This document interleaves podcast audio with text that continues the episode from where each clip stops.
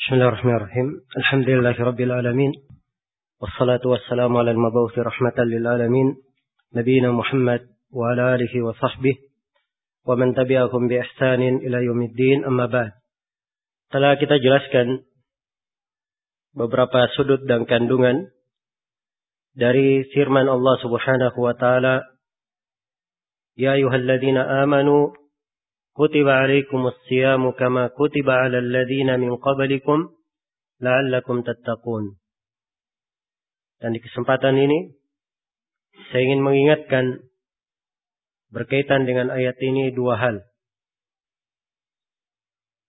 Yang pertama, di dalam ayat yang agung ini terdapat peringatan bahwa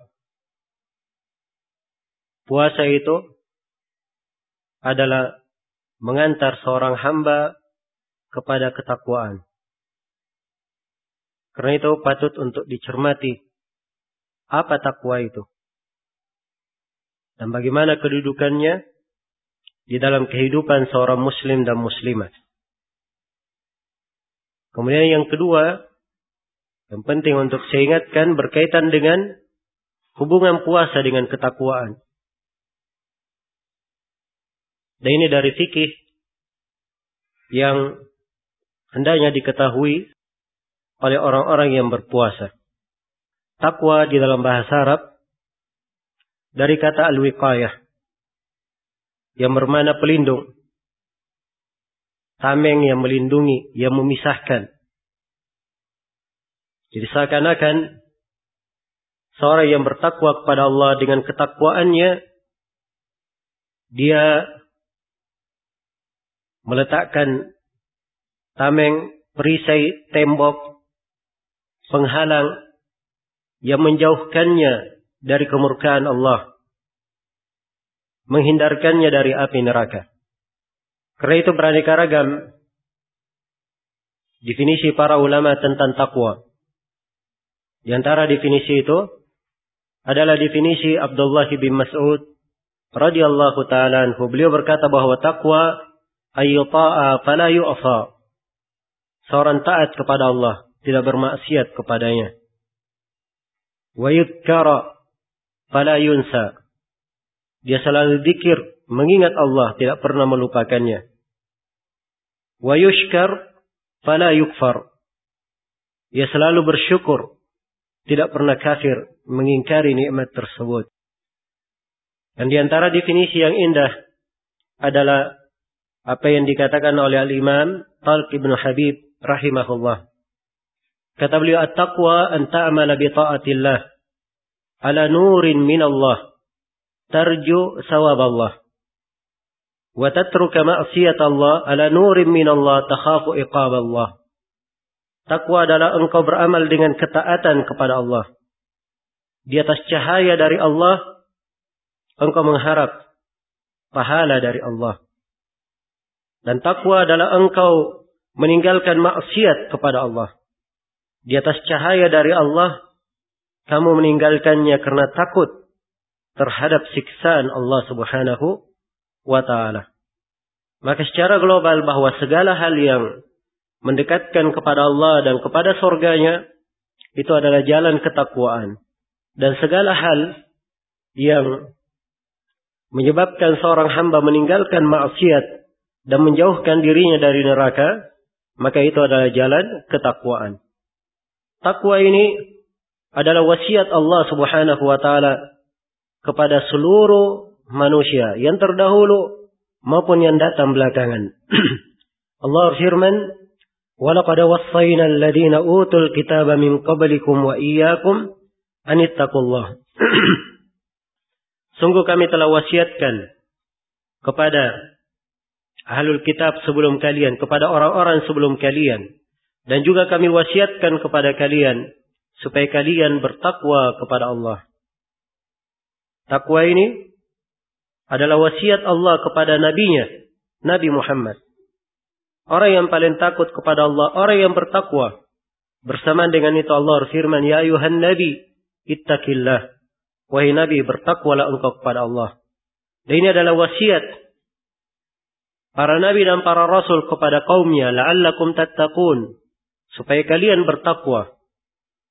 Dan ketakwaan adalah sumber kebaikan bagi seorang hamba yang melipat gandakan pahalanya dan menggugurkan dosa-dosanya.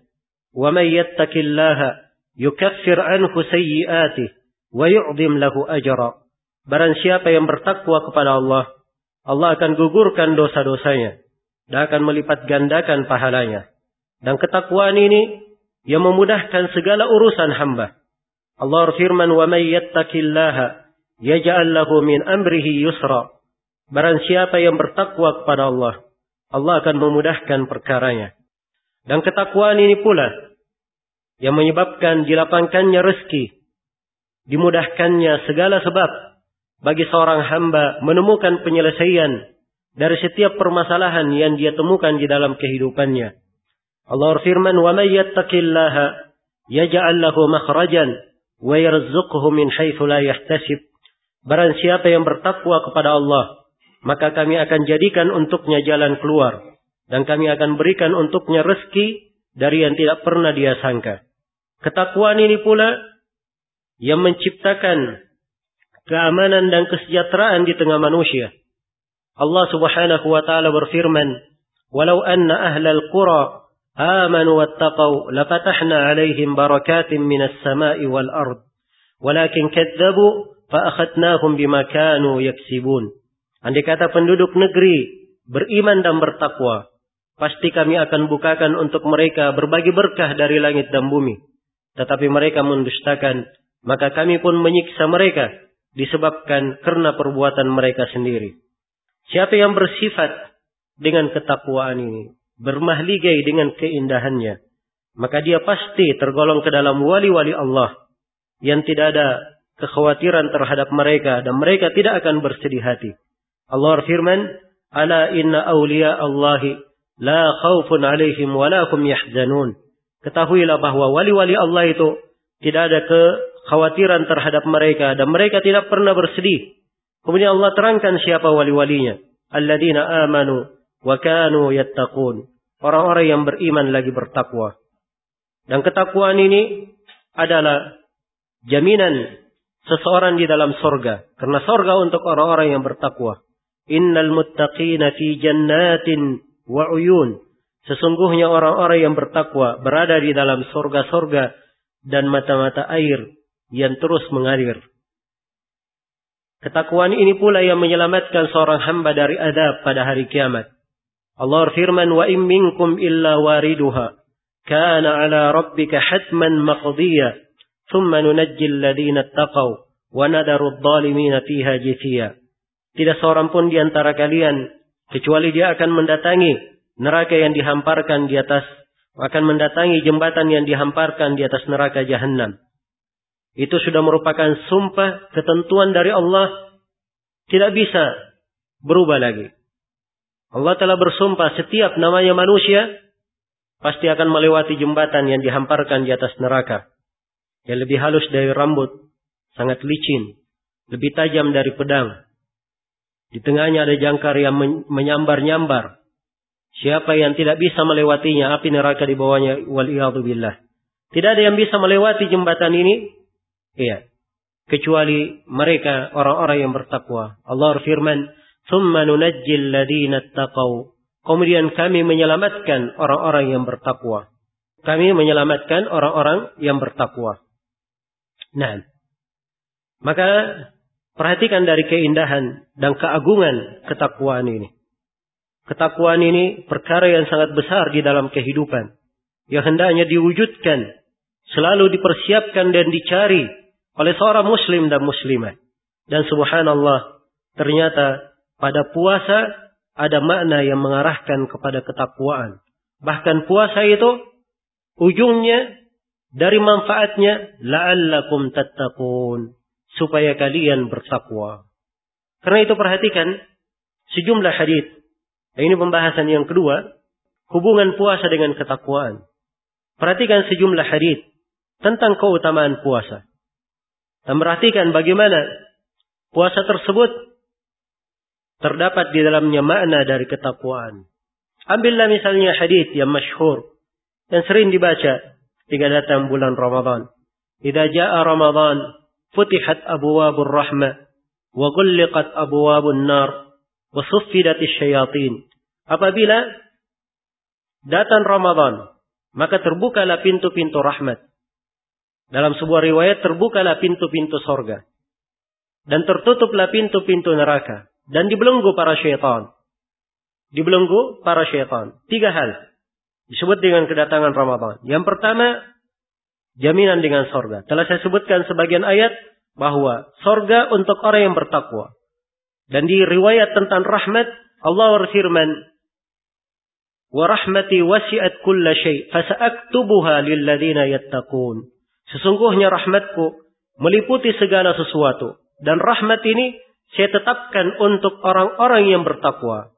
Dan di dalam hadis diterangkan bahwa pintu rahmat dibukakan ketika Ramadan datang bagi orang-orang yang berpuasa. Iya, dijauhkan dari api neraka. Saya sudah sebutkan bahwa ketakwaan adalah penyelamat dari api neraka. Dan dengan datangnya Ramadan ditutup pintu-pintu neraka. Para syaitan dibelenggu. Karena dari manfaat ketakwaan itu juga takwa menyelamatkan seorang dari gangguan syaitan. Allah berfirman, Innal ladzina taqaw idza massahum ta'ifun minasyaitani tadakkaru fa idahum mubsirun. Sesungguhnya orang-orang yang bertakwa apabila ia diganggu oleh syaitan, ia segera mengingat. Segera mengingat. Ketika ia sudah pernah dibuat oleh syaitan tergelincir, kemudian dia mengingat, maka ia pun memiliki pandangan yang tajam. Tidak akan jatuh ke dalam kesalahan yang sama untuk kedua kalinya. Dan ini semuanya dibangun di atas dasar ketakwaan. Dan perhatikan Rasulullah sallallahu alaihi wasallam bersabda, "As-siyamu junnah, ka junnati ahadikum minal qital." Puasa itu adalah perisai, adalah tameng. Seperti tameng kalian di dalam peperangan. Sebab puasa membentengi seseorang dari api neraka. Demikian pula takwa. Karena itu, puasa mengarahkan kepada makna ketakwaan.